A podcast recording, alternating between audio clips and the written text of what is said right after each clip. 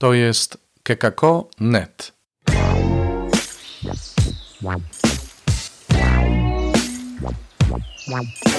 Poranny suplement diety. Komentarz ojca Alvaro Gramatyka do Ewangelii według świętego Marka, rozdział 6, wersety od pierwszego do szóstego. Na 14 niedzielę zwykłą, 4 lipca 2021 roku. Wyszedł stamtąd i przyszedł do swego rodzinnego miasta, a towarzyszyli mu jego uczniowie. Gdy nadszedł szabat, zaczął nauczać w synagodze, a wielu, przysłuchując się, pytało ze zdziwieniem: Skąd on to ma? I co za mądrość, która mu jest dana? I takie cuda dzieją się przez jego ręce. Czy nie jest to cieśla, syn Maryi, a brat Jakuba, Józefa, Judy i Szymona? Czyż nie żyją tu u nas także jego siostry? I powątpiewali o nim. A Jezus mówił im: Tylko w swojej ojczyźnie, wśród swoich krewnych i w swoim domu może być prorok tak lekceważony. I nie mógł tam zdziałać żadnego cudu, jedynie na kilku chorych położył ręce i uzdrowił ich.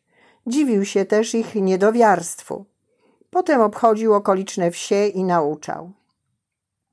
W tym fragmencie Ewangelii uderza niedowiarstwo współobywateli Jezusa, którzy zastanawiali się, skąd wzięła się u Jezusa mądrość i dokonywane przez niego cuda, będąc znanym jako syn cieśli, jako normalna osoba, której rodzina była znana. Zastanawiali się, jak to możliwe, że Bóg mógł w tak niezwykły sposób posługiwać się Jezusem, uważanym przez nich za człowieka zwyczajnego, żyjącego w normalnym kontekście, który do tej pory żył bez szczególnych znaków typowych dla proroków. Mieszkańcy Nazaretu nie dowierzali, a ich niedowierzalnie nie pozwoliło Jezusowi na inne cuda, a sam Jezus dziwił się ich niedowiarstwu. Właściwie jak to możliwe, że wobec pewnych znaków pozostaje się zamkniętym i nie rozpoznaje nawiedzenia Boga? ale przede wszystkim jak to możliwe, że Bóg objawia się w normalnym, codziennym kontekście poprzez zwykłych ludzi.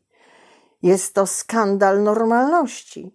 Jesteśmy wezwani do postrzegania naszej normalności, naszego codziennego życia jako błogosławionego, jako miejsca objawiania się Boga. Często mamy pokusę, aby zmienić naszą normalność, która jest uważana za nieatrakcyjną, i naznaczoną naszymi ograniczeniami. Chcielibyśmy to zmienić, aby być gotowym na przyjęcie obecności objawiającego się Boga. W konsekwencji nie cenimy teraźniejszości, nie akceptujemy swoich ograniczeń i miłosierdzia Bożego, ale nieustannie uciekamy od samych siebie, od naszej codzienności, łudząc się, że odnajdziemy Boga.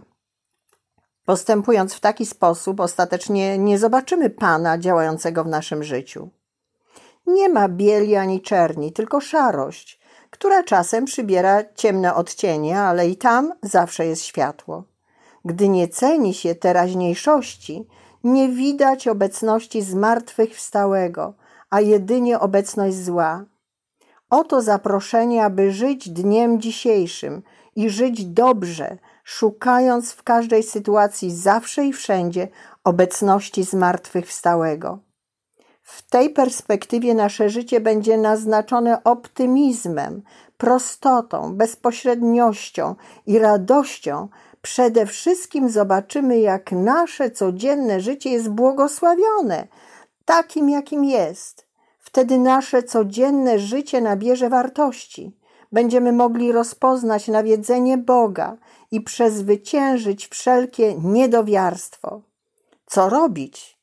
Nie uciekać od naszej codzienności, ale dziękować za wszystko, nawet za coś, co jest dziwne, nietypowe, a tym samym przyzwyczajamy się do tego, że nie gorszymy się naszym życiem i Bożymi drogami dla nas.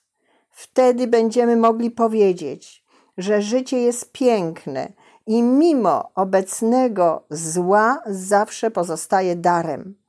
Zrozumiemy wtedy wartość tajemnicy wcielenia, ukazującą dobroć i wierność Boga.